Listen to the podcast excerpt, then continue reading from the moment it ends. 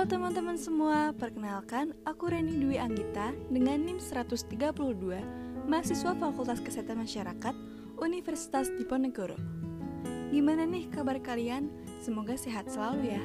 Buat kalian yang lagi di rumah aja, kali ini aku akan bahas podcast mengenai gizi kesehatan masyarakat dengan judul obesitas pada balita. Mungkin kata obesitas sudah sering kalian dengar dan sering terjadi di lingkungan sekitar kalian. Sebenarnya apa sih obesitas itu? Dan apa penyebab obesitas? Dan juga bagaimana cara mengatasi obesitas? Obesitas merupakan keadaan patologis, yaitu terdapatnya penimbunan lemak yang berlebihan dari yang diperlukan untuk fungsi tubuh yang normal. Obesitas adalah penyakit kelebihan berat badan minimal 75% dari berat ideal. Kondisi ini disebabkan oleh banyak faktor, namun penyebab utamanya adalah konsumsi makanan yang berlebihan tanpa diimbangi oleh aktivitas fisik dan olahraga. Pada tahun 2013, sebanyak 42 juta anak-anak di bawah usia 5 tahun mengalami kelebihan berat badan atau obesitas. Sebelumnya telah diketahui bahwa obesitas merupakan masalah bagi negara yang berpenghasilan tinggi. Obesitas sekarang meningkat di negara-negara berpenghasilan rendah dan menengah, terutama di perkotaan. Di negara-negara berkembang, tingkat kenaikan obesitas pada anak-anak sudah melebihi dari 30% lebih tinggi dari negara-negara maju. Berdasarkan laporan Gizi Global atau Global Nutrition Report tahun 2014, Indonesia termasuk ke dalam 17 negara yang memiliki tiga permasalahan gizi sekaligus, yaitu stunting, wasting, dan juga overweight.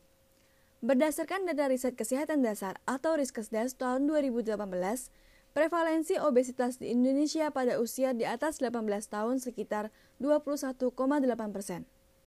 Prevalensi tertinggi terdapat pada Provinsi Sulawesi Utara sebanyak 30,2 persen, DKI Jakarta sebanyak 29,8 persen, Kalimantan Timur sebanyak 28,7 persen, Papua Barat sebanyak 26,4 persen, Kepulauan Riau sebanyak 26,2 persen, dan diikuti provinsi-provinsi lainnya. Data ini cenderung meningkat dari tahun 2007 yaitu sebanyak 10,5 persen menjadi 11,5 persen pada tahun 2013 dan meningkat menjadi 21,8 persen pada tahun 2018.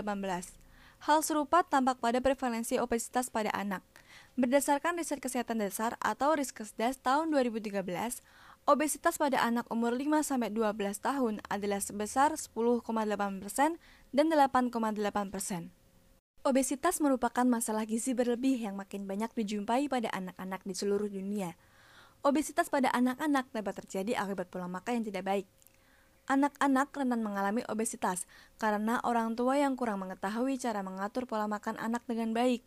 Banyak pendapat di masyarakat yang mengira bahwa anak yang gemuk adalah anak yang sehat sehingga banyak ibu yang merasa bangga jika anaknya sangat gemuk, dan ada pula ibu yang sangat kecewa ketika melihat anaknya tidak segemuk anak lainnya. Kebanyakan orang tua menganggap gemuk itu lucu dan sehat, sehingga mereka merasa bersalah bila anaknya tidak gemuk. Obesitas disebabkan oleh ketidakseimbangan antara jumlah energi yang masuk dengan yang dibutuhkan oleh tubuh untuk berbagai fungsi biologis, seperti pertumbuhan fisik, perkembangan aktivitas, dan pemeliharaan kesehatan. Penyebab obesitas pada anak belum sepenuhnya diketahui. Diduga, obesitas pada anak disebabkan oleh adanya interaksi antara faktor genetik dan faktor non-genetik.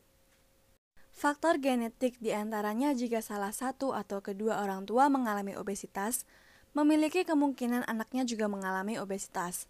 Faktor non-genetik di antaranya kurangnya aktivitas fisik, perilaku menetap seperti terlalu lama menonton televisi, atau bermain game, nutrisi yang berlebihan, dan sosial ekonomi. Faktor sosial ekonomi yaitu gaya hidup seperti pola makan, pendapatan orang tua, dan tingkat pendidikan orang tua. Perkembangan teknologi yang pesat juga berkontribusi dalam peningkatan obesitas. Anak lebih memilih menghabiskan waktu di depan televisi atau bermain handphone daripada beraktivitas di luar rumah. Anak-anak yang obesitas tidak hanya lebih berat dari anak-anak seusianya, tetapi juga lebih cepat matang pertumbuhan tulangnya. Anak-anak yang obesitas relatif lebih tinggi pada masa remaja awal, tetapi pertumbuhan memanjangnya selesai lebih cepat, sehingga hasil akhirnya mempunyai tinggi badan relatif lebih pendek dari anak sebayanya. Bentuk muka anak-anak yang obesitas tidak proporsional. Hidung dan mulut relatif lebih kecil dan memiliki dagu ganda. Selain itu, terdapat timbunan lemak pada daerah payudara, di mana pada anak laki-laki sering merasa malu karena payudaranya seolah-olah tumbuh. Alat kelamin pada anak-anak laki-laki seolah-olah kecil karena adanya timbunan lemak pada daerah pangkal paha. Paha dan lengan atas jauh lebih besar, jari-jari tangan relatif kecil dan runcing. Pada penderita obesitas, sering terjadi gangguan psikologis, baik sebagai penyebab ataupun sebagai akibat dari obesitasnya. Anak juga lebih cepat mencapai masa pubertas, di mana kematangan seksual lebih cepat seperti pertumbuhan payudara, pertumbuhan rambut pada kelamin, dan ketiak. Dampak obesitas pada anak lebih ringan dibandingkan obesitas pada orang dewasa. Kelebihan berat badan dan obesitas pada anak dapat menyebabkan terjadinya komplikasi seperti adanya gangguan pernapasan, penyakit kulit, efek psikologis seperti gangguan dalam pergaulan, gangguan ortopedi, yang berakibat terjadinya gangguan beraktivitas.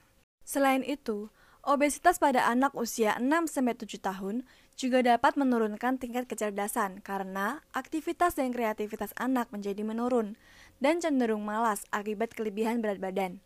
Kelebihan berat badan dan obesitas pada anak, bila tidak ditangani dengan baik, dapat berlanjut menjadi kelebihan berat badan dan obesitas pada dewasa.